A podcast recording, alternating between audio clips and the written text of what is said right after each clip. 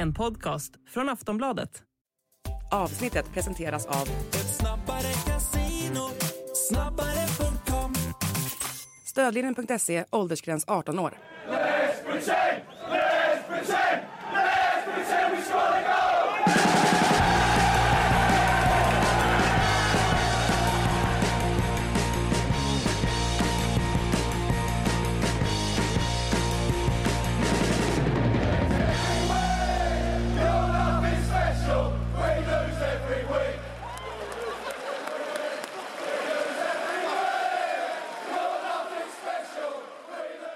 Hej och välkomna till Sportbladets Premier League-podd. Idag ska vi prata om två av de galnaste matcherna vi sett på länge. Den ena kanske är den galnaste i modern tid. Med mig har jag i vanlig ordning Frida i London och Makoto här i studion. Mitt namn är Patrik Syks röstklon. Alltså jag vet inte ifall vi eh, behöver bekymra oss så mycket om våra jobb än så länge. Eh, Alltså, Makoto tycker jag är ett Ma- intressant Ma- uttal. Ma- Makoto Nej men det har man kallats också. Så Ja, att det är inga konstigheter. Det kan jag Kärt barn har många namn. eh, förstås tänka mig. Eh, ja, nej, det där var jag som eh, lekte med en liten röstklon och det tyckte det kunde vara kul att inleda avsnittet med. Vi ska prata om Chelseas vecka såklart. Eh, den galnaste matchen i modern tid. Kalle är det i det här då Ehm, AI-genererade lilla introt. Eh, och ehm, Spurs-Chelsea tänker jag ju då förstås på, vilket du måste Alltså jag kan inte komma på en galnare match som jag någonsin har sett i mitt liv om jag ska vara ärlig. Alltså det har varit galna liksom förlängningar, dramatik, vi hade ju VM nu senast, några riktigt sjuka vändningar och så vidare men bara sett över, över, ja det är, vi kan inte ens prata om 90 minuter längre, alltså första halvlek var väl nästan uppe på 60 minuter innan de eh, blåste av. Och andra halvlek vet jag inte hur lång den var, vi, vi spelade ju ja, hur många minuter som helst i den här matchen. Man tappade räkningen Frida, du var där. Jag kan tänka mig att du var trött när du kom hem på kvällen. Eh, efter det, vi, vi, vi börjar där och så får det liksom spilla över till vad som händer den här helgen. Eh, men alltså fullständig galenskap och det är svårt att säga vad det var som var egentligen, varför just den här matchen blev så, så extremt galen.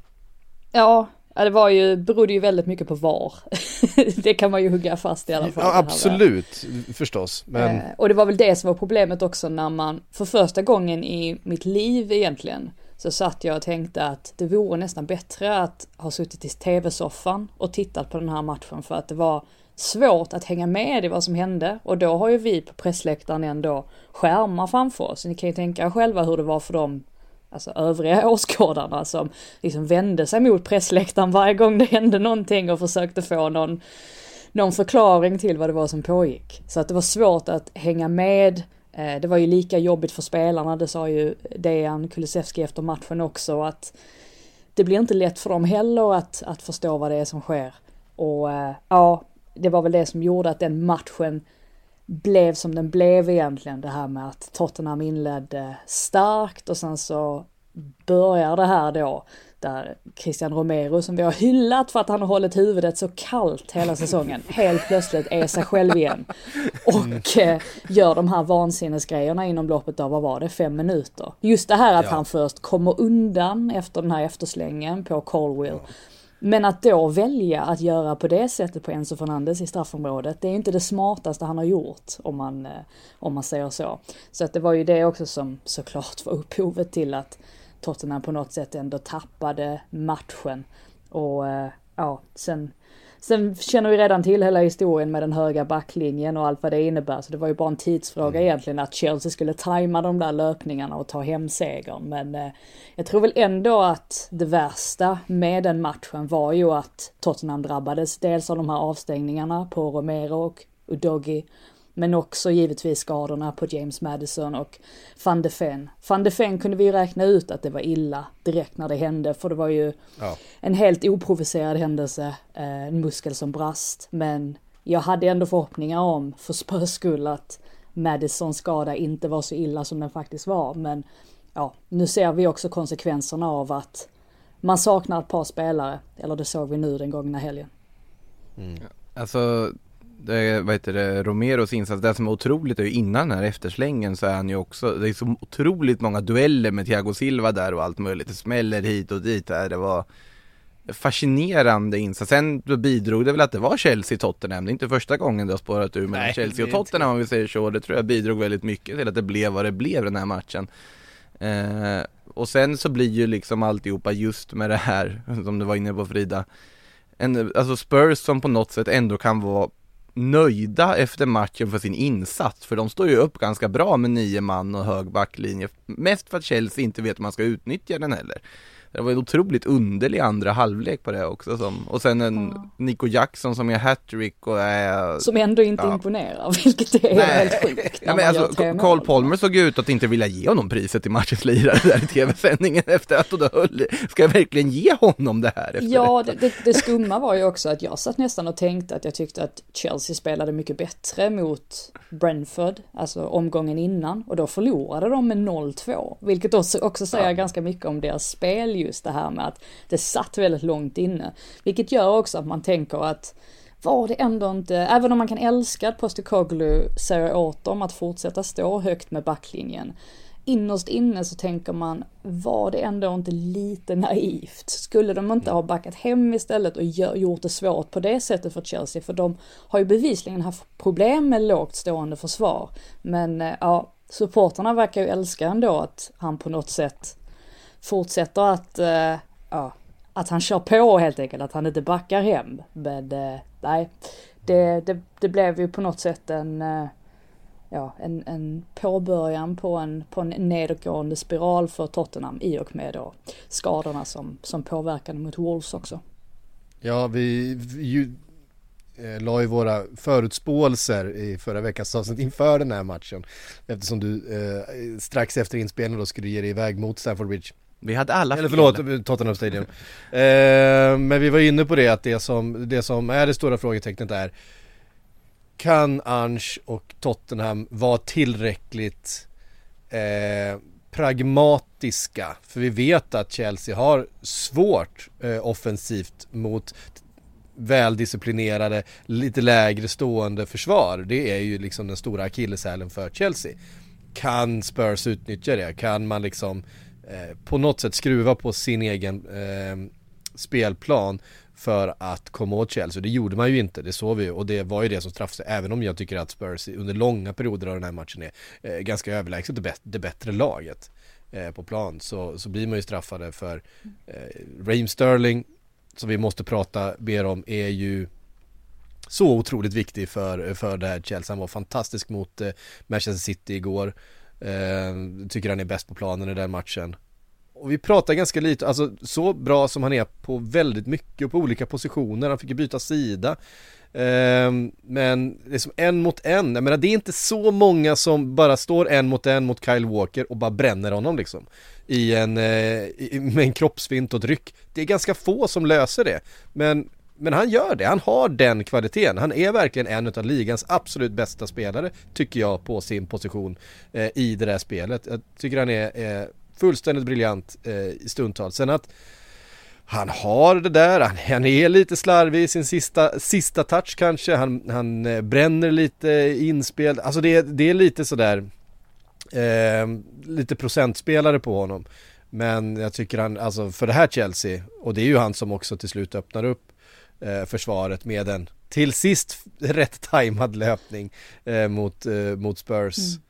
Eh, nej, jag tycker han är eh, fantastisk att se på just nu, eh, Reem Sterling och jag menar för ett Chelsea där snittåldern är typ 12 och ett halvt att ha en så här meriterad, rutinerad kvalitetsspelare på planen det är ju det, är ju det viktigaste eh, Pochettino kan, kan ha liksom. Hans evolution är ju ganska eh, fascinerande egentligen. Just det här med att när han var yngre som spelare, han kom ju fram som väldigt ung, man kan inte fatta att han är inne på sin trettonde Premier League-säsong.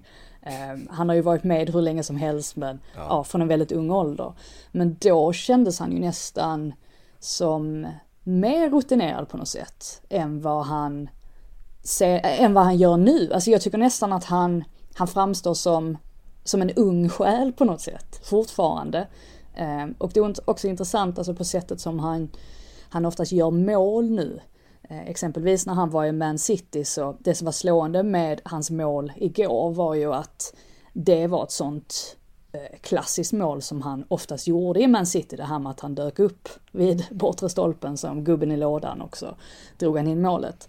Och eh, den rollen har han inte riktigt haft i Chelsea här, utan här har han ju varit mer den eh, spelaren som har fått bollen och sen så har han, precis, han har, han har dribblat av dem, han har kommit på kanten, eh, utmanat en mot en. Så att han har nästan återgått till att vara den spelaren som han var inledningsvis på sin karriär. Så att det är ju intressant i sig. Men jag håller med också, jag, han har ju de här, eh, de här perioderna i, eller ja, ögonblicken under matchen där han slarvar bort bollen lite för enkelt. Ehm, och hade han inte gjort det så hade jag också utnämnt honom till matchens lirare och nu tycker jag väl ändå att Palmer blir det på något sätt och det hänger väl ihop med, hänger väl ihop med också på sättet hur han, hur han avslutar matchen med att drämma in den där straffen för att det var verkligen, eh, ja, att kunna göra det på ett så pass kyligt sätt, eh, det kräver ändå en hel del. Men jag tycker både att Sterling och Palmer ihop fungerar bättre och bättre också så att äh, har man två spelare som dem, som dessutom tillhörde Man City båda två en gång i tiden, då, eh, då kommer man långt.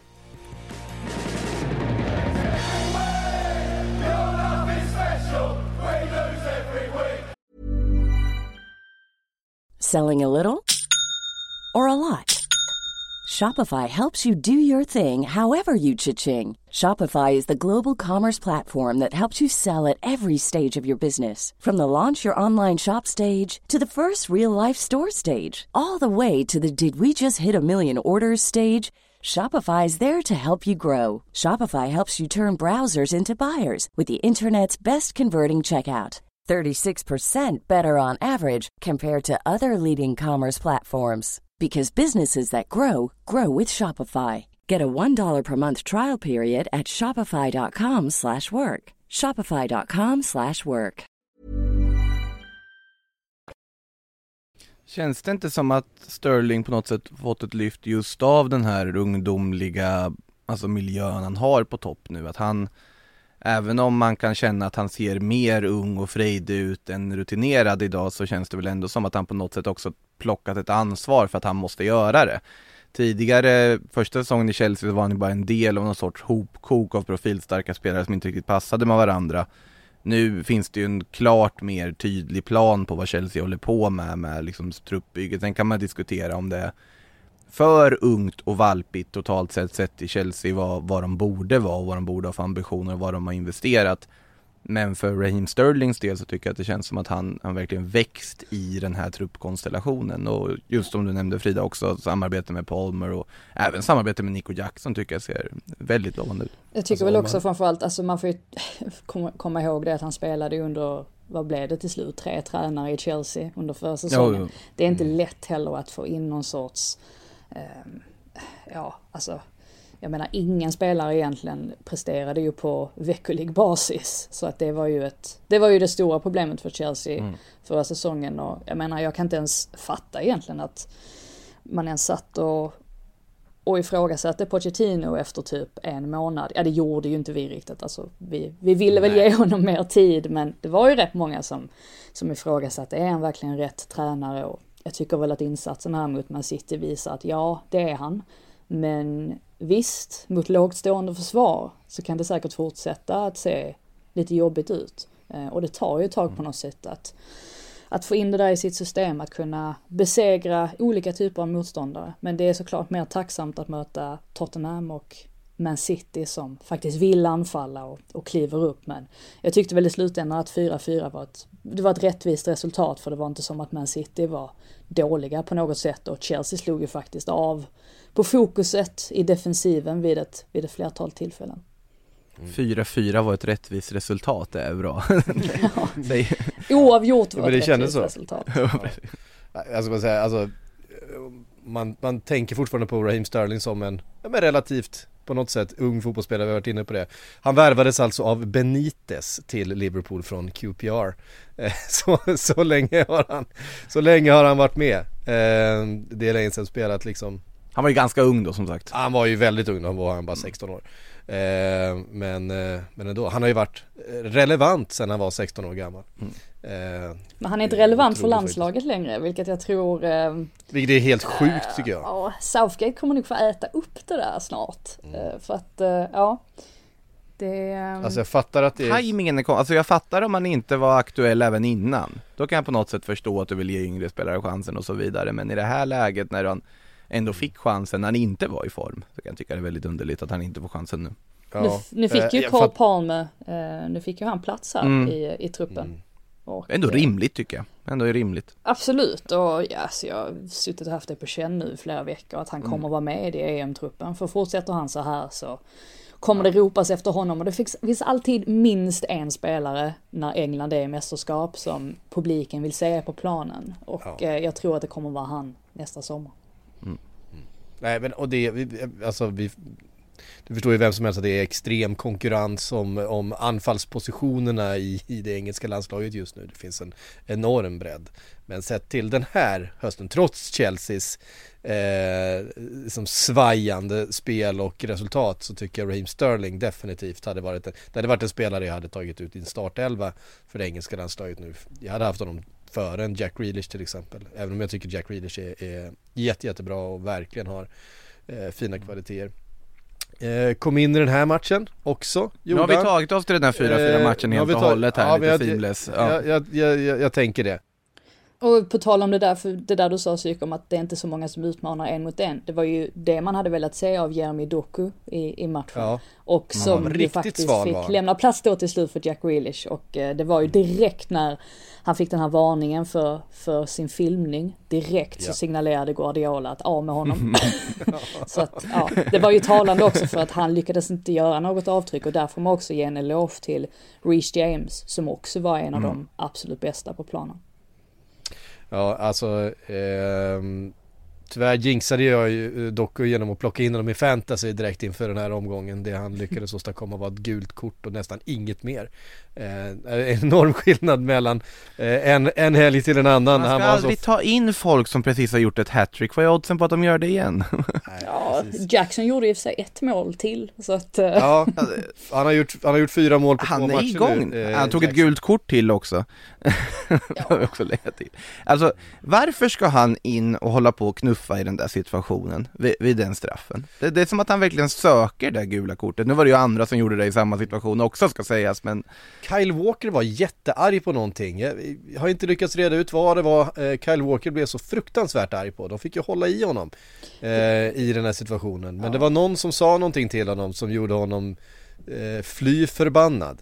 På tal om att eh, vara arg så var det ju, det var, det var ju rätt kul då det här med att när matchen blåses av så bara ser man Pochettino blir helt vansinnig och bara stegar mot Anthony Taylor.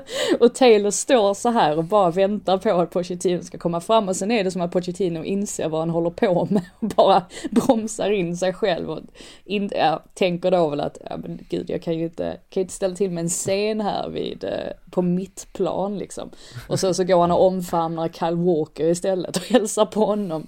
Och så bad, han ju, eh, bad ju Pochettino om ursäkt också efteråt och sa jag vet inte vad som flög i mig, jag blev bara så himla arg för att Sterling hade ju kunnat få en till möjlighet där.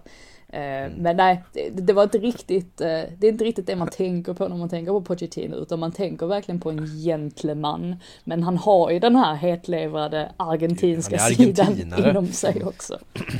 Men en eh, fråga man måste bara avhandla direkt. Hur, hur kom det sig att Anthony Taylor plötsligt tog den här toppmatchen efter att nyligen ha varit degraderad ner till Championship där han inte direkt jätteimponerad i den insats han gjorde. Sen rakt upp i Premier League till den hetaste matchen i den här omgången igen. Det var, det var lite fascinerande tyckte jag, men underhållande.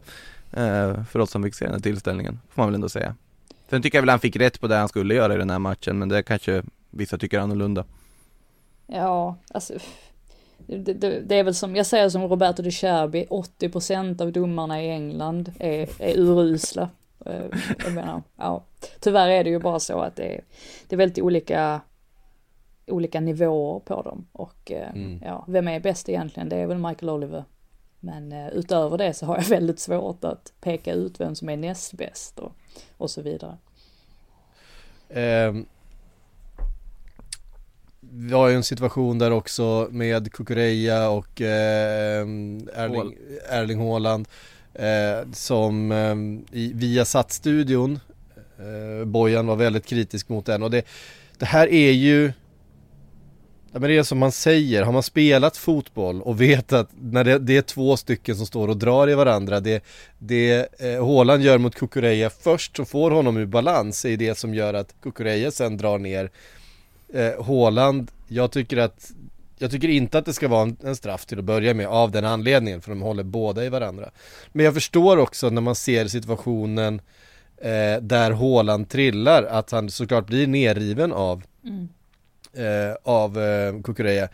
Men det där är ju problemet om Alltså vissa saker och framförallt i situationer på den här nivån måste man nästan ha varit i de där liksom situationerna för att förstå hur det fungerar i, i samspelet mellan en försvarare och en anfallare och man båda två håller i varandra och ehm, och att det där är liksom en, det är en del utav försvarsspelet, att man håller koll och man vet, man håller i för de håller ju båda två i varandra, man ser ju tydligt på bilden att båda håller i varandras tröjor eh, Men det slutar med att Kukureya liksom drar ner Haaland som också lägger sig väldigt lätt då i, i den Sen, sen har ju. Kukureya två armar runt Haaland där i slutändan. Och så att på något sätt så tycker jag väl ändå att den, Ja men det har ju börjat med att Haaland liksom först har dragit Kukureya tröjan och ja fått de drar ju ur- båda i och varandra fått först. honom ur balans. Och det, det, det är det jag menar, det är det som Bojan är inne på som jag tycker är väldigt bra Mm. poäng. Att har man spelat fotboll, har man spelat fotboll på professionell nivå så, se, så, så, så ser man att det där inte är en, eh, det är inte en som gör en förseelse mot en annan.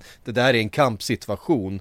Eh, där båda två bidrar till, att, till, till det resultatet som blir. Men jag förstår att har man inte spelat på elitnivå, jag har inte spelat på elitnivå, jag hade varit svårt, men, men just efter han hade beskrivit det eh, på ett ganska bra sätt tycker jag, så blir det också tydligt att vi kanske måste ha spelare in i domar eh, situationer. Vi kanske måste ta hjälp av spelarna. Alltså vi, jag har ju varit inne och jag nämnde det eh, förra veckan tror jag.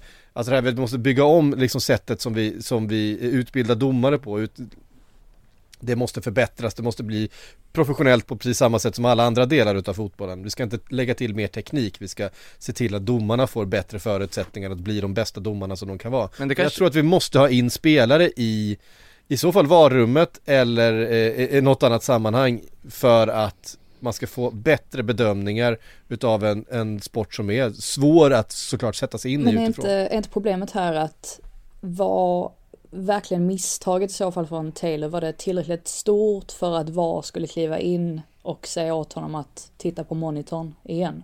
Det jag tycker det är det som blir problemet i det här fallet. Men det, det, återigen så blir det liksom en bedömningsfråga. Jag, som sagt, reagerar inte allt för starkt på den här straffen. Eh, men eh, däremot tanken just med att få inspela perspektivet. Eh, sätt en neutralt lagd spelare i varje match i VAR-rummet tillsammans med VAR-teamet. Eller var exempel. det, nu måste jag dubbelkolla, visst var det så att Taylor, det var han som blåste? Ja, det var Nej det jag ju. tror inte Nej, det var Nej, efter, det var VAR efter. VAR-checken som det blev straff. Det var VAR som tog den så att Men de varför, tyckte varför att det blev var ett clear and utskickad i så fall till sin monitor? För att titta på Eh, straff? Nej det blev han inte heller utan de För det var därför jag fick för mig att Taylor måste ha blåst. Men jag var ju där så att jag missar ju saker. Alltså, Jag minns, jag minns faktiskt inte exakt hur det var nu när du, eh, Ja, nu- när du nämnde det men eh, jag bara tyckte det var en intressant, eh, alltså straffen som sådan först? Det var ju inte, det var det var ingen skandalstraff på något sätt Det var inte en, det var inte ett av de här VAR-besluten vi har pratat om som var helt åt skogen Eller kan det vara jag tyckte, bara det var, jag tyckte det var en intressant diskussion från Bojan eh, Mm. Det här med att, att, att saker och ting kan se ut på ett visst sätt men för en spelare som har befunnit sig i situationen så är det kanske inte en foul. Det är inte utan det är en, en kombination utav, eh, utav händelser i närkamp som, som bidrar till att, att saker och ting ser ut på ett visst sätt. Nu blev jag också osäker på om Taylor faktiskt blåste straff. För nu insåg jag Ja, att det var, början. för man var ju förvirrad där x antal sekunder. Så att det Mm. dröjde ju, beslutet dröjde men det dröjde ju inte så pass länge att det kändes som att VAR var de som hojtade. Jag bara tänker om det var linjemannen. Jag tror att det var möjligtvis. Taylor som tog den först nu, nu mer jag tänker på det faktiskt. Ja. Det, det, var bara, det var bara det intrycket jag fick. Och Jo, det var, jag, det var Taylor som pekade först Okej. och sen så kollade de det, så var Ja, det. för där blir det ju på något sätt skillnad då. Alltså som sagt, är, är Mm. misstag tillräckligt stort för att VAR ska kliva in och, och granska den situationen. För att om de skickar ut Taylor till monitorn så menar de ju det här är fel beslut. Precis. De menar ju inte det här kan vara fel beslut. Här var det ju mer, vi tittar på det efter att du har gjort det här beslutet, nej men det håller. Mm, Det är precis. straff. Nej, som sagt, jag, jag tycker inte att, och det var det blev inte heller avgörande kanske direkt för matchen. Alltså det var, eh, det var mer en, eh, en intressant eh, diskussion. Det fanns lite andra mål med den här matchen så att Ja, det fanns, det fanns fler mål att tillgå. Erling Haaland gjorde en mål med en ny kroppsdel som han sa själv också, Ja, med bland annat precis. hans andra. Med högra skinkan där. Ja, han är inte blyg Eh, när han Nej, rakt på sak när han beskrev sitt mål i alla fall var han ju, Mm, jag tänkte mer att det var liksom med Alltså bakdelen, typ så. Men han Ja, tog men det som Psyk uttryckte det nyss. Ja. Mm. Men det var ju med röven, om man ska vara riktigt ärlig. Ja, Ja. jag var Ja, lite ja. Haaland såg det på annat vis.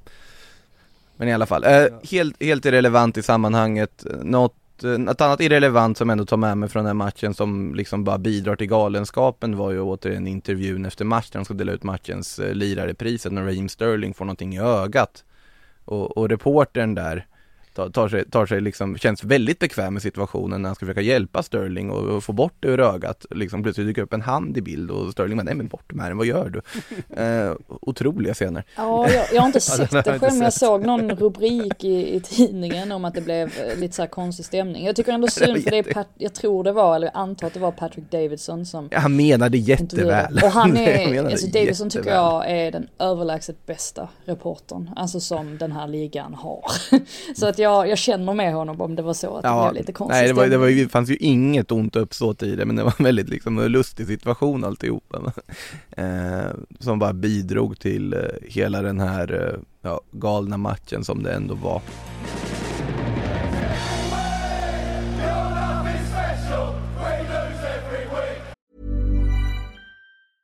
Meet 2024's most anticipated robot vacuum, Eufy X10 Pro Omni. With powerful 8000 PA suction and MopMaster's dual mop pads, it keeps your floor sparkling clean. It's the winner of five Best of CES awards, and Digital Trends says it boasts almost all the same features as robot vacuums that cost twice as much. Want to know more? Go to eufy.com, that's EUFY.com, and discover X10 Pro Omni, the best in class all in one robot vacuum for only $799. Jag vet inte vad man ska dra för slutsatser egentligen. Alltså, ska City vara besvikna på en poäng mot Chelsea, men jag tycker man kanske inte ska vara. Nej, Eller? alltså jag, jag tror ju att Guardiola hatade den här matchen på väldigt många sätt. Just för Mm. att de aldrig riktigt fick kontroll. Alltså, det kändes som att de hade kunnat göra tio mål framåt och de hade ändå inte fått den kontrollen som de ville ha i matchen. Och där kan man ju peka på lite olika saker. Jag tror dels det här med att Akanji försökte Eh, har ha den här centrala mittfältsrollen som John Stones brukar ha.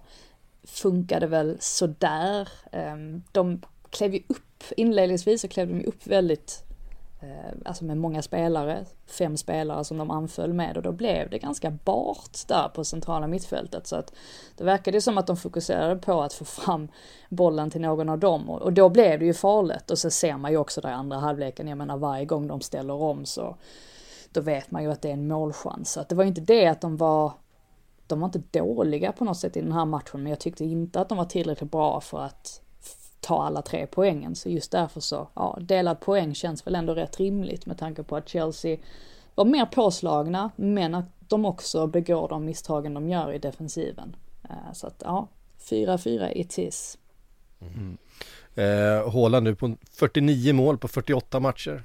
Eh, snabbast till 50 är alltså Andy Cole på 65 matcher. Så att det, Nu kommer måltorkan. ja, det kan komma en måltorka på en halv säsong utan att eh, ehm, eh, han kommer missa det rekordet. Han ligger illa till Andy Cole. Ja det är helt sjukt vad han krossar det rekordet. Sen är det liksom så här, jag menar ehm, Notoriska målskyttar som eh, Kun Agüero ligger på typ 86 ehm, och så vidare. Det, det, Matcher det till helt- 50 då alltså. Ja. Ja, eh, det är helt stört faktiskt. Vi tar oss vidare därifrån då till Wolves Spurs. Vi var inne på att Spurs eh, gick på pumpen på flera sätt eh, emot Chelsea. Inte bara förlorade man matchen, man fick eh, tunga skadavbräck, avstängningar. Och Doge blir ju då bara avstängd en match. Han borde kanske haft fler avstängningar egentligen efter Chelsea-matchen med tanke på hans första satsning. Ehm, men ändå Spurs har ju det här eh, känns det som. Man har 1-0 och det är bara några minuter kvar att spela. Eh, in kliver Sarabia, jag har för övrigt aldrig tvivlat, eh, med en helt eh, enorm insats sista. Målet är ju, är ju sån klass att det, Men där innan där, alltså Matteus Kunjas passning ja den är Alltså är det helt otroligt väl, väl skruvad in i boxen sen, ja Sarabia gör ju inga misstag där Nej, eh. Otroligt vackert och ett fin, fin framspelning till 2-1 också och inga poäng till Spurs Frida Mm. eh, i den här matchen mot Wolves så fan ska vi börja bli lite oroliga för, eh, för Postecoglou nu? Är det Ole 2.0? Så- nej, nej. Nej, det han har ju tycker vunn, jag han har blivit månadens tränare tre månader i rad nu. Han inledde sin Premier League-karriär med, med hattrick i eh, Manager of the Month Augusti, september, oktober. Han får jobbigt i november tror jag Det kan bli jobbigt i november. Ja, alltså det räcker ju att ta en titt på den här startelvan så ser man ju att det här är inte Postecoglou's startelva, det är inte hans spelare. Eh, Davis och Dyer, jag har full förståelse för att det är jobbigt att, att komma in sådär, eh, ja men kastas rakt in i hetluften på något sätt, men man såg ju också att de saknar ju den här speeden som eh, Postecoglou's backlinje måste ha för att de ska spela som han vill att de ska spela. Ehm, så att där var det ju dels de avbräcken då och sen så Höjbjerg, jag har aldrig varit ett fan av Höjbjerg. Jag tycker inte han är dålig i den här matchen på något sätt egentligen men han bidrar ju inte med de aspekterna i Tottenhams spel som de hade mått bra av. Alltså man tänker sig då att James Madison är borta, man tappar en spelare som är enormt kreativ. Och att ersätta honom då med Höjbjerg, det kommer inte bli samma balans. Och det märktes ju också i, i det här med att Son inte var så involverad som vi har sett honom vara tidigare. Man, man tappar väldigt mycket om man tappar James Madison. Eh, ja, så att höjdpunkten här för, för Tottenhams del var ju att, ja men dels målet som är jättefint, får man säga. Det är ju faktiskt Pedro Porro verkligen. på många sätt som, eh, som gör det målet ihop med Kulusevski som också står för en fin aktion där innan Brennan Johnson drar in den.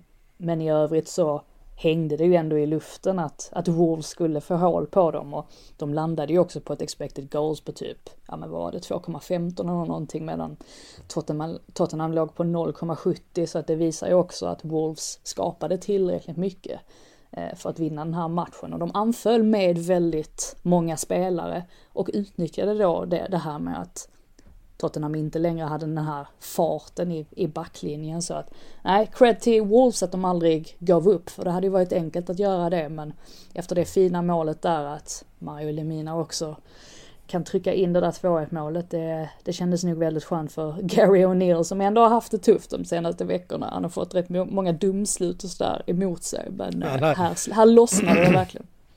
Ja, man gillar Gary O'Neill, alltså han är ju, det är mycket känslor på bänken eh, och runt matcher med, med Gary O'Neill. Men han är ju, eh, han gör ju väldigt mycket av de här chanserna han har fått. Jag menar, eh, när han tog över Bournemouth så var det inte många som visste vem Gary O'Neill var. Eh, och han kommer in och tar det här och han, jag tycker han, jag tycker han imponerar här i Wolves också. Jag menar, han har dessutom fått sin eh, bästa spelare skadad här nu, Pedro Neto. Eh, men ändå löser man den här, eh, den här matchen och att, att fortsätta trumma framåt och eh, ja, jag, jag imponeras utav Gary O'Neill kanske framförallt i, i Wolves för att jag hade som sagt dömt ut dem här inför säsongen, trodde inte att, alls att de skulle ha kraft, ork och bredd att, eh, att hänga med eh, ovanför strecket och det gör de ju med besked nu får man verkligen säga. Eh, Vi tar oss vidare till eh, Old Trafford, Manchester United Luton 1-0 En liten bounceback kanske från eh, Köpenhamn, jag vet inte. Alltså, har vi sagt Vigge i protokollet gånger. kan vi ju ta med oss. Alltså det finns någonting alarmerande tycker jag med alltså United nästa gång att det är väldigt mycket så här uddamålssegrar som ja alltså bara på något sätt eh, vad ska man säga maskerar problemen och skjuter fram problemen till när de förlorar med större siffror mot bra lag. Alltså om man tittar på United vilka de faktiskt har vunnit mot den här säsongen. Alltså bara rakt av alla segrar de har tagit. Då är det alltså i Premier League Luton, Fulham, Sheffield United, Brentford, eh, Burnley, Nottingham Forest, Wolves. Och det är bara uddamålssegrar. Och de har väl egentligen inte briljerat i någon av de här matcherna heller. Så fort de har ställts mot någorlunda bättre motstånd eller danskt motstånd så har de haft betydligt mycket större problem.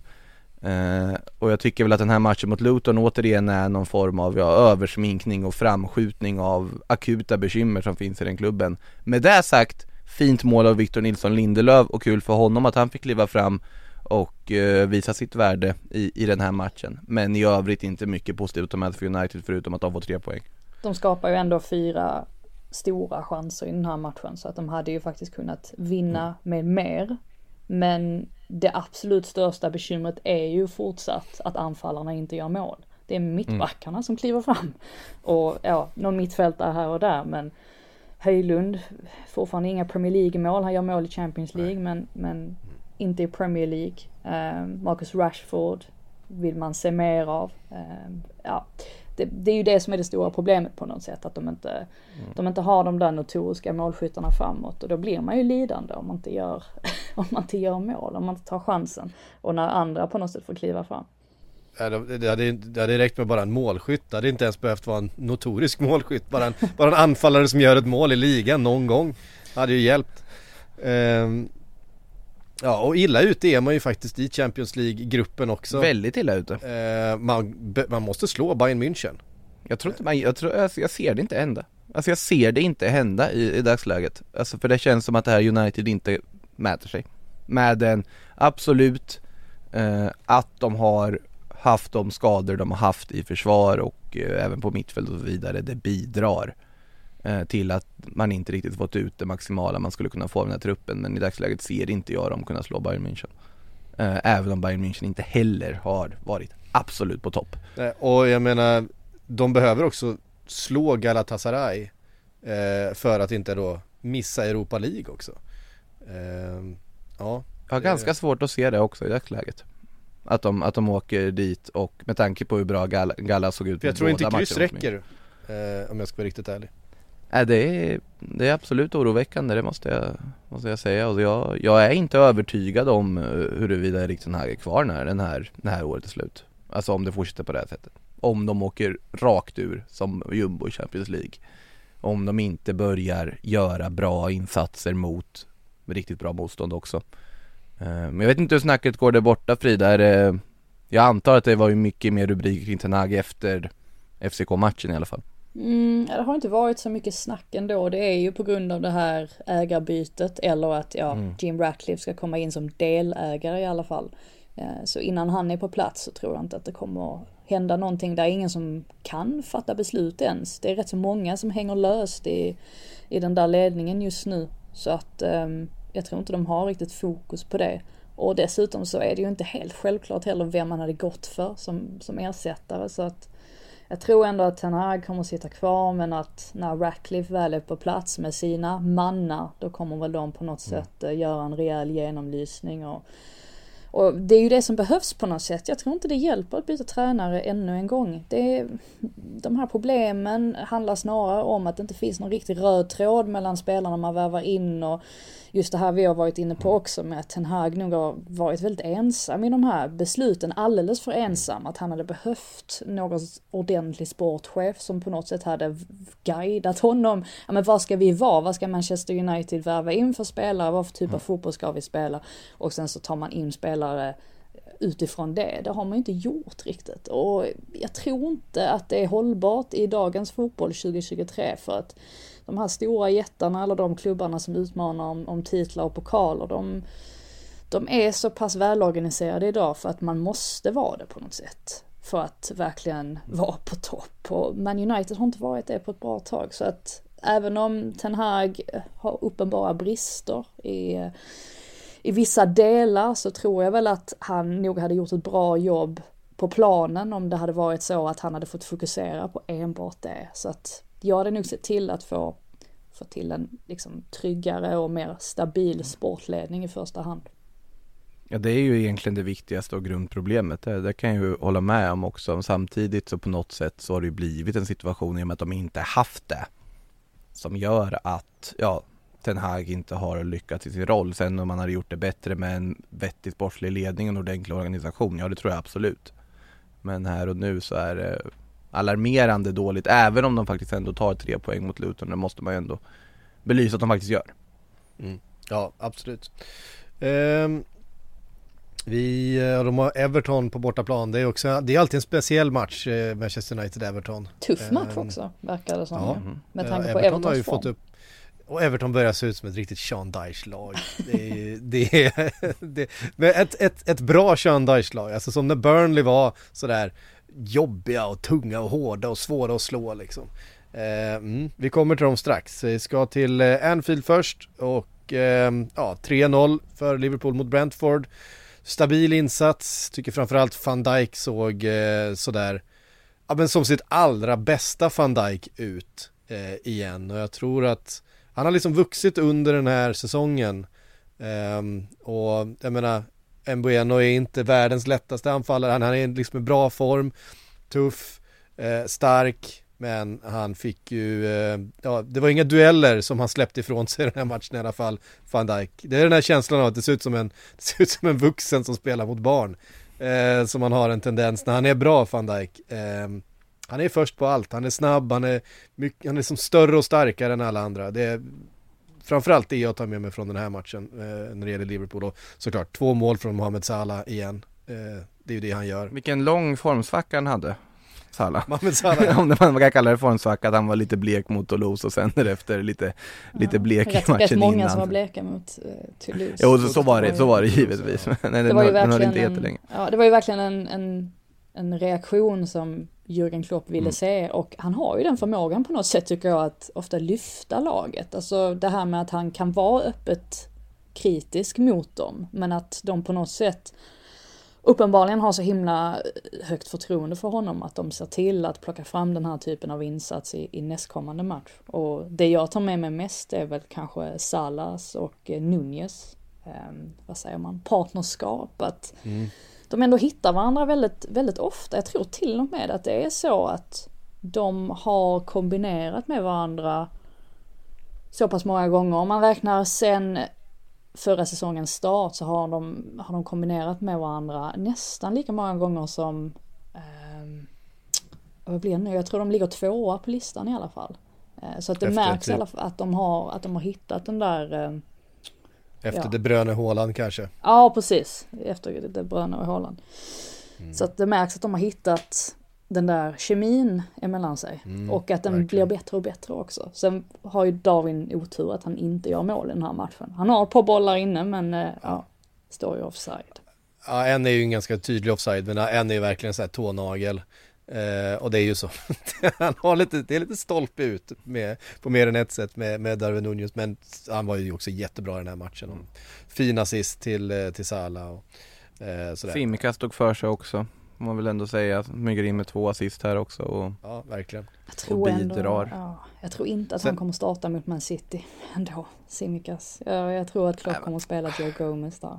Det, det känns väl ändå ganska sannolikt att Gomes går in där och möjligtvis Och det är ju där fortsatta, jag vet inte vad du säger om det psyk, men det finns ju ändå lite frågetecken nu kring fortsatt det centrala mittfältet och ja, hur man ska hitta den balansen. För att ändå imponerar ju inte direkt. Eh, hade kunnat åka ut också, det tyckte i alla fall Thomas Frank, eh, han klarar sig för rött kort. Så att det lär väl bli McAllister som går in på den positionen igen när han är tillbaka. Men samtidigt så är inte han heller helt naturlig i den rollen. Så att ja, där är ju fortsatt ett, ett litet frågetecken i alla fall för dem.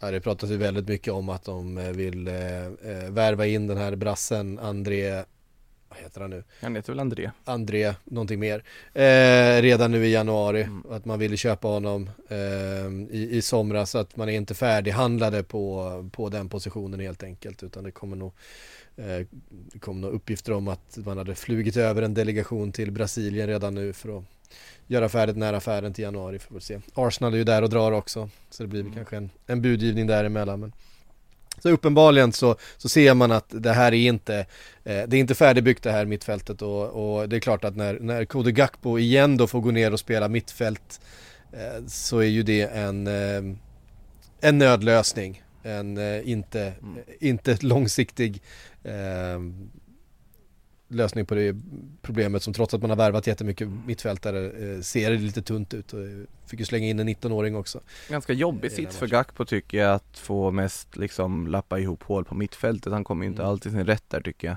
Nej. Sen hade jag ju velat se Alltså Soboslaj, McAllister, Gravenberg eh, konstellationen mot typ ett lag som City och se om det håller. För vi har pratat väldigt varmt om den konstellationen tidigare.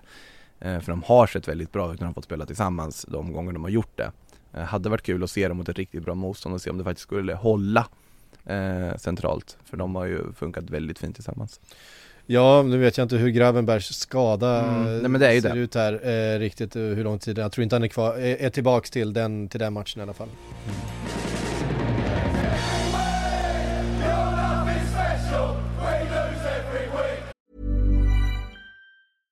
Selling a little or a lot? Shopify helps you do your thing however you cha-ching. Shopify is the global commerce platform that helps you sell at every stage of your business. From the launch your online shop stage to the first real life store stage, all the way to the did we just hit a million orders stage. Shopify is there to help you grow. Shopify helps you turn browsers into buyers with the internet's best converting checkout. 36% better on average compared to other leading commerce platforms. Because businesses that grow grow with Shopify. Get a $1 per month trial period at shopify.com slash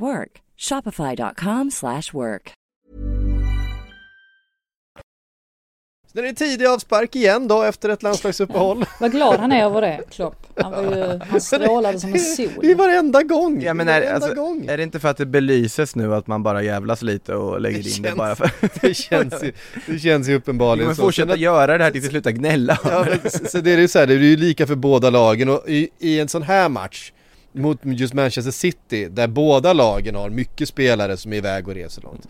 Men det möter man liksom ett, vad vet jag, ett, ett Bournemouth eller ett Everton eller någonting som har, du vet, de har varit på träningsläger i en och en halv vecka tillsammans för att de spelar inte i som, de, liksom, den största delen av truppen är kvar, eh, de är inte iväg på landslagsuppehåll. Eh, och är de det så är de inte superlångt bort och spelar högprofilmatcher i Sydamerika eller sådär. Så att, eh, men just mot Manchester City så är det ju två lag med ungefär samma förutsättningar då. Då tycker jag det kanske spelar lite mindre roll. Skitsamma, vi tar oss vidare till eh, Emirates. Eh, Arsenal Burnley 3-1. Det Där var jag. kändes som det Du var på plats där där var du ja. Eh, du fick se Trossard offra liv och lem för att göra 1-0. Han brakade in i stolpen där, såg lite läskigt ut. Ja, pu- Eh. publiken vågade inte ens jubla efter det målet. eh, innan, de, ja, innan de var säkra på att Trossard var oskadd. Men det satt rätt så långt inne för att jag tycker Burnley var väldigt välorganiserade under stora delar av första halvleken och gjorde det svårt för Arsenal. Um, sen så tappar de lite fokus ju längre halvleken lider och sen till slut så kan liksom Arsenal bryta ner dem då med det där målet. Och det är väl lite skillnaden också mellan, för att det är trots allt två försvarare för Arsenal som kliver fram i den här matchen också sen i andra halvleken efter att Burnley lite oväntat kvitterade där i 54 minuten. Saliba och Sinchenko. Och skillnaden där mellan mellan Arsenal och Man United är ju trots allt att Arsenal har fortfarande anfallare som gör mål. Eh, visst, Gabriel Jesus är, är borta, eh, Enketia var borta, men Trossard på något sätt kan ju ändå, eller Enketia satt ju på bänken och hoppade in. Men Trossard är ju på något sätt om man tänker att han är en bra ersättare till Gabriel Jesus på så vis att han har lite liknande egenskaper. Det här med att han är väldigt rörlig och han öppnar upp mycket ytor för, för både Asaka och, och Martinelli. Särskilt Saka var väldigt bra i, i den här matchen. Så att eh, nej, till slut så kom första målet där. Och sen så var det nu rätt skönt för Arsenal att få den där repliken direkt efter kvitteringsmålet när William Saliba eh, får in Eh, 2-1 målet. Och eh, sen Sinchenko där 3-1 målet. Så att de härdade på något sätt ut för att Arsenal har ju också sina skador. Eh, särskilt där på, på mittfältet och nu blir ju situationen ännu värre i och med att Viera- också eh, åkte på rött kort så att nu har de en färre spelare Eh, på de positionerna men de får väl hålla tummarna att eh, det möjligtvis kommer tillbaka någon efter eh, landslagsuppehållet här men nej, de, de härdade ut. Mm. Eh, och det är tajt där uppe i toppen nu. Eh, med tanke på att eh, Tottenham då eh, förlorade en, sin andra match den här veckan. Eh, nere på 26 poäng. Eh, Aston Villa på 25. Arsenal, Liverpool båda på 27. Det skiljer en, ett mål i målskillnad mellan dem. Och så Manchester City på 28. Det är, det är skönt, verkligen, tycker jag, att vi har en topp som lever på det här sättet. Jag menar det är tre poäng som skiljer första till femte plats. Eh, att, att Manchester City bara skulle vara tre poäng före Aston Villa efter 12 spelade matcher. Det var det nog eh, ingen som hade trott på förhand och det har ju mer med att Aston Villa gör det fantastiskt bra under eh, Unai Emery. Nya tre poäng. Eh, Studsa tillbaka får man väl säga, ändå Eh. efter eh, förlusten i förra omgången. ja precis. Ehm, nya tre poäng mot Fulham, så är det. Jag måste hitta rätt match här. De är starka Ehm, på hemmaplan får man säga. Trettonde raka tror jag Ja. på hemmaplan. De är ju det allra hemmastarkaste laget eh, i, eh, i ligan under det här kalenderåret. Eh, så hade man haft en hemmatabell så hade faktiskt eh, Aston Villa varit i topp. Eh, Ollie Watkins nytt mål igen, John McGinn. Eh, Ett fint, ett John McGinn mål. den, den ska bara ner där i, i, vid stolproten. Men han är ju Eh, fascinerande också imponerande. på något sätt. Eh, Och jag tycker han gör det jättefint vid tredje målet också. När han kombinerar ihop med, med Mm. Bailey innan Watkins drar in den. Men han är ju, McGinn är ju intressant på så viset. Jag tyckte att innan Emery kom in så hade man tappat hoppet om McGinn lite grann. Att han, han var en sån här lite alibi-spelare på något sätt. Eller att han oftast klev fram när det var lite större lag. Men i övriga matcher så syntes syntes han inte till så mycket och ja, fick inte ut sina kvaliteter riktigt. Men under Emery så är det så många spelare som verkligen har lyft sig. Och det tycker jag verkligen indikerar att Emery är en, en skicklig tränare, det vet vi ju om. Men han har ju uppenbarligen den förmågan också att få fram det bästa ur sina spelare. Mm. Sen har han den där, alltså det är ju inte, det är ingen stor fotbollsspelare. Han är ju liksom, eh, jag var han en, en, under en 80 tror jag. Men han är, han är grov på något sätt. Det är som att det är väldigt svårt att flytta på honom där. Eh, på det centrala mittfältet i närkamp. Han är, han är hård som, som sten. Eh, Det är lite, ja, för att ta en skotsk referens, det är lite så här Charlie Adam när Charlie Adam var bra. Alltså före han eh, eh, slutade träna.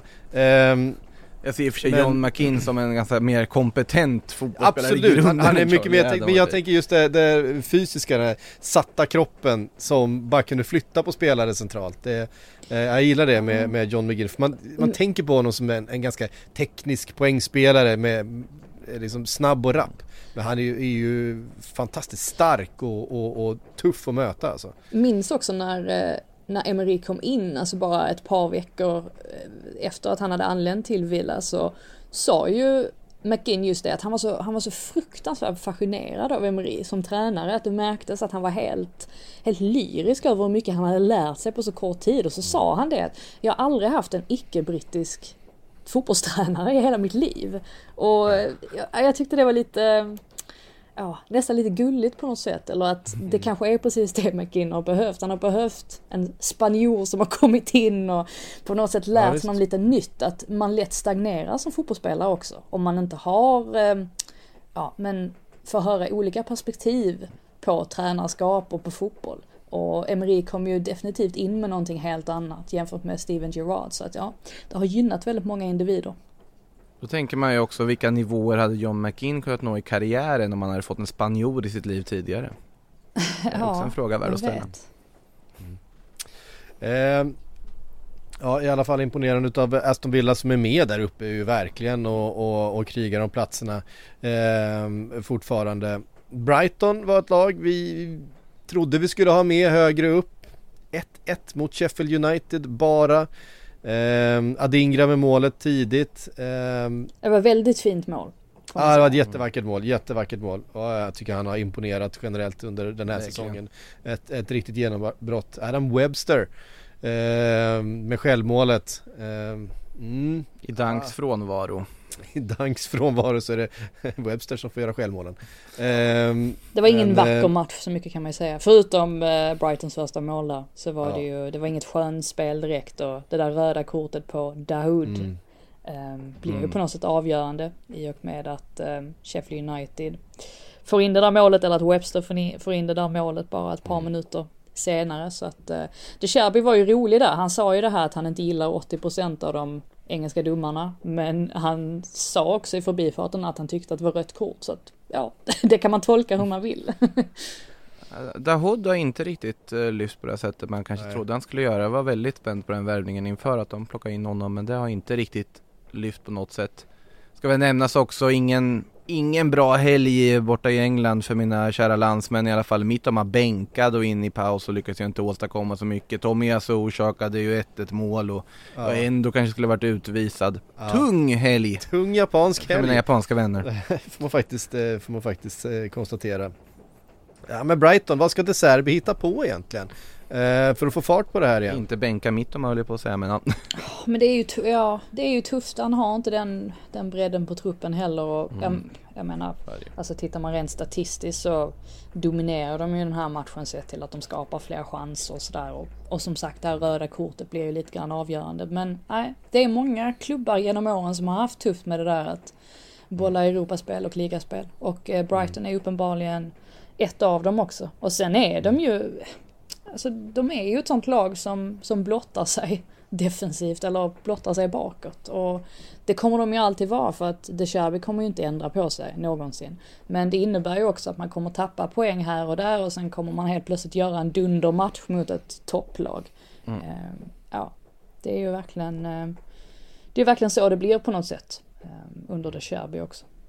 De är ju fortfarande ett lag som sett till vad de faktiskt har på pappret överpresterar. Vi nämnde ju Adingra nyss, vem hade koll på honom inför den här säsongen som verkligen tagit kliv. Så jag tycker att det finns ju inget som säger att De Cherby på något sätt gjort ett svagt jobb den här säsongen på något sätt. Absolut, jag håller ju helt med Frida. De har ju inte truppen egentligen för att heller liksom slåss på, på två fronter. Det är inte konstigt att de inte har det. Sen gör de det väldigt bra i Europaspelet ska vi komma ihåg. Eh, överlag också här så att eh, jag tycker nog att det inte allt för mycket att oroa sig över på så vis för, för Brighton tycker de gör det bra. Men det är svårt det där med att dubbla eh, Europaspel och ligaspel. Fråga bara Eddie Howe. Därför att eh, Newcastle är ett lag som verkligen får känna av det här med att mm, nu kommer skadorna, nu är det tufft spelschema, det är slitna spelare och 2-0 till Bournemouth. Eh, det var, jag hade faktiskt den här spikad till Bournemouth på min eh, stryktipskupong. Det var mycket snack inför. Är det för att vi Eh. båda alltid har talat så varmt om Dominic Solanke? Dominic Solanke är eh, jättebra i den här matchen. Eh, Tänk vad ni har fått äta men- upp det. Det är så härligt varje Ja, gång skoja gör mål. Så tänker jag Ja, jag- direkt. på- Nej men jag har ju börjat eh, åt det andra hållet verkligen uppskatta Dominic Solanke så att Han, han Nej, gör men- ju också, jag tror han står, har stått för 55% av Bournemouths mål eller någonting sånt. Han han är ju otroligt strålande den här säsongen. Strålande den här säsongen. Ehm, och är inte så ung som man tror att han ska vara. Man tänker fortfarande att det är en sån här 22-23-åring, men han är 26 nu tror jag. Och Man ska det är ju, jättestor ska ju, skillnad. ska ju, eh, ja men han ska ju liksom kliva in i sin prime nu. Det ska ju vara hans bästa säsonger det här. Eh, och ehm, det är väl ett bra ställe att göra det i, Bournemouth då. Det känns väl som att det är, det är där han kan få explodera och kanske få.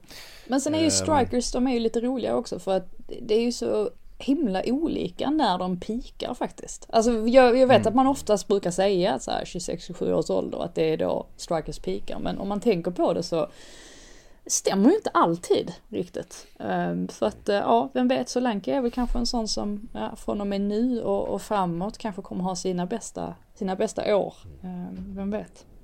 Ja men det, det, där är, det där är sant. Michael Owen pikade väl när han var 20. Eller typ. Ja precis, när han var Eh, ja vi har vissa som Adoris pikar när de var typ, vad, hur gammal var han? Han var ju hur gammal som helst när han, eh, när han pikade. Det är väldigt, väldigt Benzema många som- pikade när han var typ 34. Ja, precis. Alltså, Zlatan också om man ska vara ärlig. Kanske 31-32 när han var som allra bäst. ja, Men, men jo, eh, så är det lite grann. Men för Dominic Solanke var ju en jättetalang i Chelsea en gång i tiden. Han hade en, en säsong då han gjorde, vad var det, 40 någonting mål i, eh, i eh, eh, andra laget, alltså U23-laget och skulle liksom eh, kliva upp och då eh, när Liverpool värvade honom framför näsan på Chelsea, det var ju lite sura miner då eh, kan man säga. Fick inte riktigt chansen, tog inte riktigt chansen när han fick den heller. Och sen har det varit lite sådär med karriären men nu har han ju hittat verkligen ett lag där han har en roll som den store målgöraren där han får göra precis det här. Han får förtroendet. Det spelar ingen roll om han, om han går utan att göra mål i en tre, fyra matcher i rad. Man vet att han kommer starta nästa match ändå och vara den som ska, ska göra målen. Eh, och det är väl en ganska bra eh, utgångspunkt för en som spelare kan man tänka sig efter eh, inte riktigt har lyckats slå sig in i de storklubbarna då som man har representerat i lite yngre år. Sen var, Men det ju menar- tax, ja. Sen var det ju tacksamt också för, för Bournemouth att möta Newcastle i det här, Ja. ehm, ja, i det här skicket. Alltså de har ju, alltså antalet skador är ju oändliga. Det är ju fem, sex ordinarie spelare som, som saknas. Och de får slänga in de här ynglingarna som man aldrig har hört talas om tänkte jag säga. Med Lewis Miley, 17 år. Eh, Ja, han har inte ens ett foto på premierleague.com.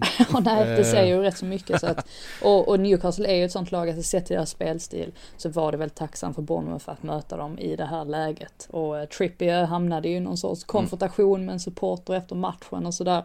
Eh, jag kan väl tycka lite grann, jag har full förståelse för att reser man hela vägen från Newcastle till Bournemouth, för det, det är en lång sträcka, det är jobbigt. Det är väl, är det längsta, det är längsta resan va i, eh, i ligan? Ja, det måste väl bli det va?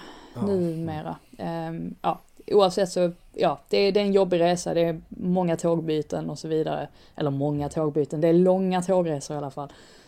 Men samtidigt så måste man ju ha förståelse för att har man så här många skador, då, då, blir, det, då blir det svårt. Men det var ju, man, av det man kunde urskilja av det där kvartssamtalet om man ska kalla det som de hade det, eller Trippier hade det med, med fansen eller meningsutbytet så var det väl det att det han reagerade på var just där när det började prata om att de inte kämpade nog. Han sa hur många skador har vi? Eh, och Trippier har ju en poäng där att det är väldigt, väldigt skadedrabbat. De kommer från en tuff match i Champions League. Eh, har, som sagt, det är ju, ja, det är inte konstigt att de förlorar den här matchen så mycket kan jag säga. Nej, och det är, det är det här, det är det här de här storklubbarna värvar för. Det är därför de värvar så in i helvete mycket spelare. Eh, och, och har så mycket bra spelare på bänken hela tiden, för de vet att det- här, det här händer dem också. Men vi märker inte lika mycket för de har så mycket mer på, i, bland reserverna att slänga in. Eh, man märker ju sällan när Manchester City har en, en tung skadekris, vilket de också har emellanåt. Men man tycker att spelarna som kommer in är så pass bra så att man, man, man, man tänker inte på det. det. Det det kommer ju ta, med tanke på eh, Newcastles ägare och projekt och framtid så kommer de ju också vara där men de har helt enkelt inte hunnit värva in en trupp för den situationen de befinner sig i just nu. Sen krävs det ganska många år och en annan form av Europa-rutin för att börja känna sig trygg att rotera runt i ett gruppspel i Europa, vilket man ser ganska många lag göra som, som är i toppen. Eh, I alla fall de engelska lagen då som eh, snarare vilar spelare där i någon form av transportsträcka. Nu har ju Newcastle hamnat i en grupp som absolut inte är en transportsträcka. Varenda match betyder hur mycket som helst och är en av de största som klubben har spelat.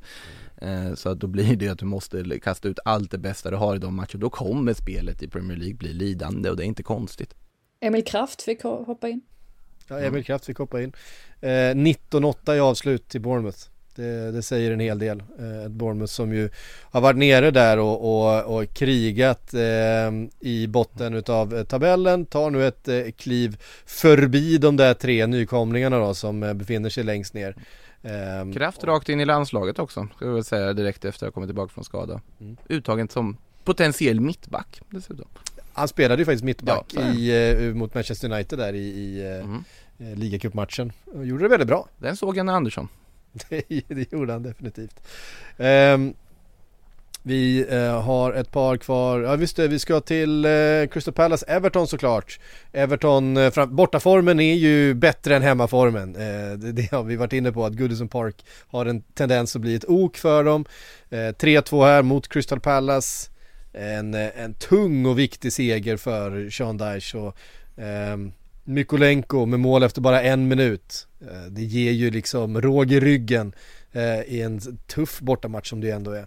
Ja, absolut. Och sen så får man ju ändå säga det här med hemmafacit att om man tänker sen förlusten mot Luton så har de ju faktiskt steppat upp. Man tänker mötena Mm. med en Bournemouth och visst de förlorar mot Liverpool på bortaplan där men vinner mot Burnley och så vidare, 1-1 mot Brighton så att de är ju på något sätt på banan nu. Eh, Mykolenko är en spelare som har överraskat på mig för att jag kände länge att jag inte tyckte att han höll riktigt för Premier League. Men eh, nej, han är uppenbarligen ett offensivt hot i alla fall. Och jag menar, Calvert Lewin gör inte ens mål i den här matchen. Och det är ju annars en spelare som vi har framhållit som fullständigt vital för att Everton ska vinna matcher. Så att eh, nej, det var, de visade verkligen på en, en väldigt bra attityd i den här matchen trots då att, att Palace har Esse framförallt som ju i övrigt hade show. Han blev ju dessutom eh, varnad för en filmning som jag inte tycker Ja. är filmning överhuvudtaget. Och Nej den är, den, faktiskt- den är lite tveksam faktiskt. Ja, det, det är nästan Kanske så att han... blivit- borde blivit straff där tvärtom. Ja.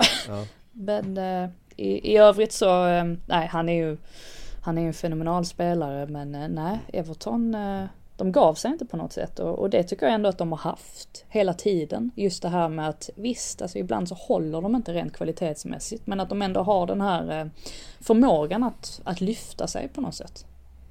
Fick mig osökt att tänka på Francesco Totti mot Sydkorea i VM 2002.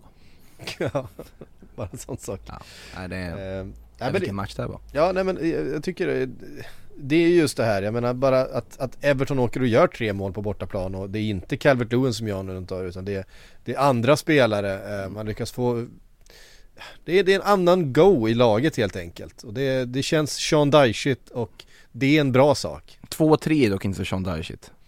Nej det är inte så Sean Dychit, liksom resultatet på så sätt men det är, jag vet inte, det, det, det är någonting som känns mycket mer stabilt över det här laget nu än vad det har gjort på, på flera säsonger skulle jag säga. Nu får vi väl se då ifall det blir en, ett poängavdrag eh, att hantera också, men det är klart att det finns tre rätt dåliga lag där nere. Det kan ju vara så att man till och med med ett poängavdrag kan lösa ett nytt kontrakt. Eh, Någon jag tycker man ska lyfta i Everton också är ju Branthwaite. Mm. Som verkligen kommit in, tagit för sig, gjort den där platsen bredvid Tarkovsky till sin. Imponerat, trygg, spännande. Eh, har nog betytt mycket för Everton att få in ett liksom tydligt mittbackspar på det sättet.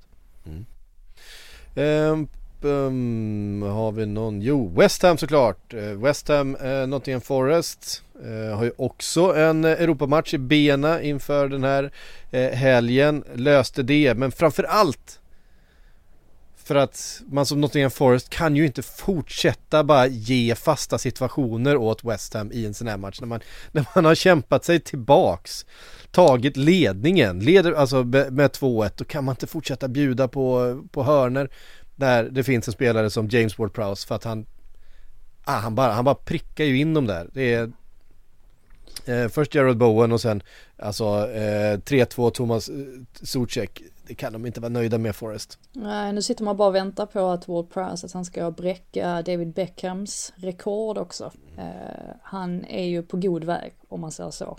Ehm, Och är ju, han var ju intressant ändå när han värvades in för att han är inte en rak ersättare till Declan Rice, men han är på, till, alltså, på något sätt så är han tillräckligt mångsidig för att han ändå har blivit en, ja men en väldigt bra ersättare till Rice. Just det här med att, jag vet att vi, eller att det, det skojades mycket om att han kunde bara, att han bara var bra på liggande boll, men jag tycker aldrig riktigt att det har varit sant, utan han, han är bra på ganska mycket, men i, be, kanske begränsat bra på vissa saker. Men så har han då den här fantastiska spetskvaliteten som måste vara en fröjd för spelarna i West Ham också, bara det att veta att bollen kommer att hamna där den ska hamna varenda gång. Det gäller bara för anfallarna, eller ja, resten av spelarna, att tajma sina löpningar rätt. Så att nej, han är ett eh, fruktansvärt bra vapen för, eh, för David Moyes. Det är väl det han älskar också, att ha ett vapen på just på fasta situationer. Sen eh, får man ju säga Elanga där, alltså hur han firar sitt mål. Det är lite ja. tidigt ändå va, och rycka av sig allt, alltså allt på hela överkroppen och jag, alltså. jag kan alltså. förstå det i 95 minuten, men det var ganska våghalsigt ja, ändå i 60 tredje ja, väl, och så blir det 2-2 efter typ två minuter efter det. Liksom.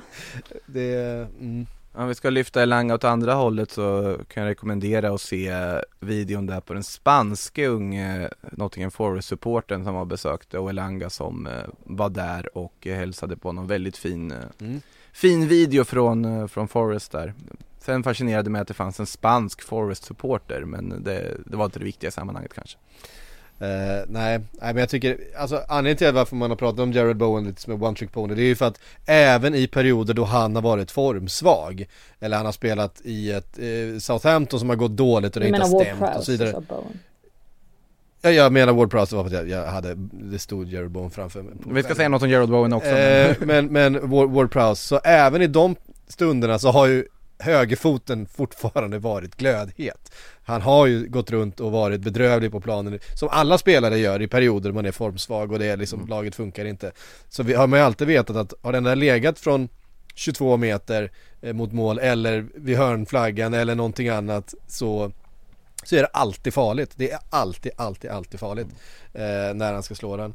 Eh, för att man vet ju inte, han kan ju slå alla varianter. Det är det som är så sjukt. Normalt sett så, så har du de här eh, jag menar, specialisterna på en viss typ av frispark. Man vet ungefär att den där eh, inlägget kommer komma så här. Men jag tänker typ Trent Alexander-Arnold. Han har ett tillslag som är ganska typiskt för honom. Alltså, eh, Ward Prowse kan ju slå den precis hur som helst.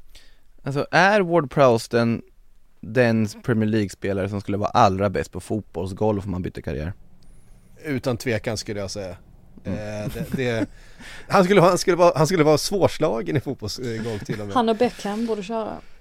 Ja, Ja, det, hade, precis. det hade varit vä- väldigt kul att se eh, Du, Jared du, Bowen nämnde jag. ja, du Eh, nämnde honom misstag, men man ska ju säga det Ja. att han smyger low-key med där uppe i skytteligan Han petar in någon boll per match, lika många som Hyun Min Son som jag har hyllat väldigt mycket den här säsongen eh, ja, Åtta precis. nu, han är uppe på Åtta är han uppe på ja. Det är ju, alltså Haaland är ju etta på 13. Jo, jo, Han jo kommer- alltså, han kommer inte vinna skytteligan men han smyger ju med med spelare som vi håller väldigt, väldigt högt och eh, ändå värt att lyfta det att Bowen har gjort en väldigt fin säsongstart där på poängmässigt här också Mm. Ja men det intressant är ju, ja såklart, och Mohamed Salah på 10 på andra platsen. är det Jared Bowen och Heung Min Son på 8 var. Callum Wilson på 7, han har gjort ett fler än Alexander Isak. Han har också smugit med, Mm. får man väl ändå Eh, lugnt konstatera För Isak har gjort 6 då. Eh, sen är det Nico Jackson, 6 mål. Han är, Smyger också med! Han är med där alltså, uppe. säga man vill om Nico Jackson, men han har gjort eh, sex mål på 11 matcher nu, det är inte fy skam Eh, Det är klart bättre än vad jag trodde som har varit, var ganska hård mot den värvningen det inför att de fyra utav de målen har gjorts på de två senaste matcherna. Eh, Ändå, Så, jag tycker så är det. det, det, det Sen har han väl åtta gula kort va, samtidigt, men det är en helt annan femma Eh, hörni, vi har lite frågor vi ska eh, avhandla innan vi stänger butiken för idag. Eh, fick en fråga från Emanuel Furuholm, eh, Tottenham-supporter gissar jag, eftersom han skriver så här. Aston Villa, City, West Ham och Newcastle kommande fyra för Tottenham. Tar vi ens en poäng? Eh, ja, det är ju... Eh, så jag tänker att Aston Villa är inte ett bra lag att ställa sig högt mot och vara lite naiv för att en Ollie Watkins jag vet, jag, jag, jag har PTSD från när Liverpool har gjort samma sak mot Aston Villa och Ollie Watkins har fullständigt trasat sönder den där backlinjen med sina löpningar. Ehm, det är han ju världsmästare på, eh, verkligen. Han är som, som gjord för den uppgiften. Eh, så att den kommer de få ehm, hantera. West Ham kommer nog inte vara ett lika stort problem tror jag. Ehm, men ja, Ja men en ska de skramla ihop Ja, och du får väl hoppas att Newcastles eh, svaga form och långa skadelista eh, hänger med så långt. Eh, så har man väl en chans. Men ja, nej, det är klart det är, det är crunch time för, eh, för Tottenham nu. Efter den här bländande Det är säsongsinledningen. ju frågan om de skulle torska fyra, fyra här då, och sjätte raka förlusten totalt. Skulle Ernst komma undan med That's who we are om man pratar om en eh, hög backlinje? Det är upp till bevis då. Mm, verkligen. Eh, Thomas skriver, vilka är de tre bästa respektive sämsta lagkaptenerna i dagens Premier League och vilka egenskaper bör premieras? Själv är jag oerhört svårt att se till exempel Brunos kaptens egenskaper. Eh, men jag vet ju att åtminstone några i panelen tycker att han är bra som kapten. Ja, det, jag känner mig träffad det är väl för att jag, jag tycker att han bidrar på andra sätt och man inte ska stirra sig blind på att man ska vara den här typiska kaptensprofiler. En lagkapten kan leda ett lag på olika sätt. Jag tror Bruno Fernandes är en sån som gör det med sin vinnarskalle, med alltså sin kravbild och framförallt med sina kvaliteter. Eh, sen så kanske det inte rimmar så bra eh, med vissa brittiska ögon, hans kroppsspråk ibland, så är det Jag tycker att det finns en intressant diskussion kring Jorginho som ju bar kaptensbindeln i, i lördags. Och eh, Mm. han är ju en sån typ av spelare som många supportrar tycker är frustrerande. Det här med att han mest slår passningar i sidled. Förutom då mot Sevilla där han verkligen visade att han kan slå de här passningarna också. Ja, de här genomskärarna han slog. slog. Det var ju en ja, det var ju en enastående boll han levererade i den matchen. Men jag tycker det så, blir så tydligt varför Arteta ändå litar på honom. Just det här är hur han pekar alla sina lagkamrater rätt och säger åt dem vart de ska stå hela tiden. Och man märker det att Arteta blir på något sätt lugnare vid sidlinjen när han har Jorginho på planen för att det är Jorginho som styr upp det. Så att det där är väl en sån viktig egenskap att tränaren känner att han har en, en bra relation till den här spelaren som bär kaptensbindeln, att de förstår varandra. Ehm, just alltså sett till alltså, alltså det spelsystemmässiga. Eh, det tror jag en, en tränare känner att det är det absolut viktigaste. Vem är de tre bästa kaptenerna då? Det tycker jag är väldigt svårt i och för sig men eh, Kieran Trippier. Tycker jag var den en som dök upp i huvudet, absolut Eh, Jag tycker ju faktiskt att Ödegård eh, har visat sig vara en väldigt bra kapten för Arsenal också när han har, burit den bilden. Jag tycker att han har lyft sig med den, jag tycker att han liksom utstrålar någonting som som gör det, gör det bra. Sen så finns det ju väldigt många kaptener som inte kommer på, på rak arm, kanske på nedre gillar, halvan av ju, jag tabellen. gillar ju Tarkovsky liksom som, Mm. ja, han är den här mittbacksgeneralen och ja, det är ju där på något sätt eh, Evertons hela, eh, ja men hela, hela Evertons grundspel sätts, alltså i backlinjen. Så jag tycker det är passande på något sätt att han är, att han är kapten. Sen kan man ju också vända på det, men som vi pratade om van Dijk, jag tror att han har vuxit av att få den där kaptensbindeln. Eh, där han i perioder har sett lite liksom avslagen ut nästan och är lite ointresserad. Det är, hans största problem är ju koncentrationen. Om han bara är fullt påslagen, då är han ju den här eh, världsbacken verkligen liksom. Eh, och hans största brist är att liksom koncentrationsmissar. Men det är som att med den här kaptensbindeln så har han liksom höjt sin egen insats lite grann. Eh, jag menar, han är ju kapten i, i holländska landslaget och så vidare också så att eh, ganska naturligt för en sån, en sån presence att vara kapten också. Så att det, det bindeln kan jag, för annars hade det ju varit naturligt, ja men vi sätter den på på Mohamed Salah, han är vår största stjärna liksom och han är alltid på planen och han är väldigt omtyckt och han är också en ledare i det här laget. Eh, eller på Alexander Arnold för han är vår liksom Liverpool eh, produkt och så vidare men eh, det känns som det var ett, ett, ett smart drag utav eh, Klopp att sätta den på van Dijk just för att det har gynnat honom. Hörde ni, klockan har sprungit iväg alldeles eh, väldigt. Vi får tacka för oss den här måndag. Nu är det landslagsuppehåll, du ska iväg Makoto. Eh, så kan det vara. Vart är det du ska? Vart är det, vart är det landslaget ska? Jag minns inte ens. Eh, Baku var det va? Ja, Azerbajdzjan Ja. Var en Eh, sån sak. Till den kanske minst intressanta EM-kvalmatchen som Sverige någonsin spelat med tanke på läget. Viktigt att poängtera. Då får, då får Makoto åka. då, då, då, då, då roteras det friskt i landslagstruppen om vi säger så, även från Sportbladets sida. Ja men det är fint, men eh, det, det gör att vi eh, eh, får se vad som händer nästa vecka då. Eh, då är du tillbaka. Ja, då är jag ju tillbaks. Eh, Däremot Sillypodden på torsdag får jag se om vi kan ta det från AI-navet eller om du kör din AI-klon där som får lösa hela avsnittet. Ja, vi ska nog, ska nog kunna hitta på något. Eh, vi eh, är väl förhoppningsvis tillbaks nästa vecka igen då och se ifall vi kan eh, trumma ihop något, eh, något spännande innehåll från, från landslagsuppehållet och kanske blicka framåt då mot en eh, extremt spännande nästa omgång som ju då inleds med Liverpool-Manchester City. Det blir, eh, eh, det är alltid spännande, pepp mot eh, Klopp. Eh, det, finns något, eh, det finns något härligt i den eh, drabbningen verkligen. Eh, hörde ni, tusen tack alla ni som har lyssnat. Tack Frida, tack Makoto. Vi hörs eh, om en vecka igen.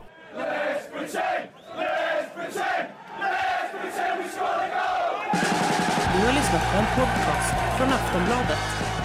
Ansvarig utgivare är Lena K Samuelsson.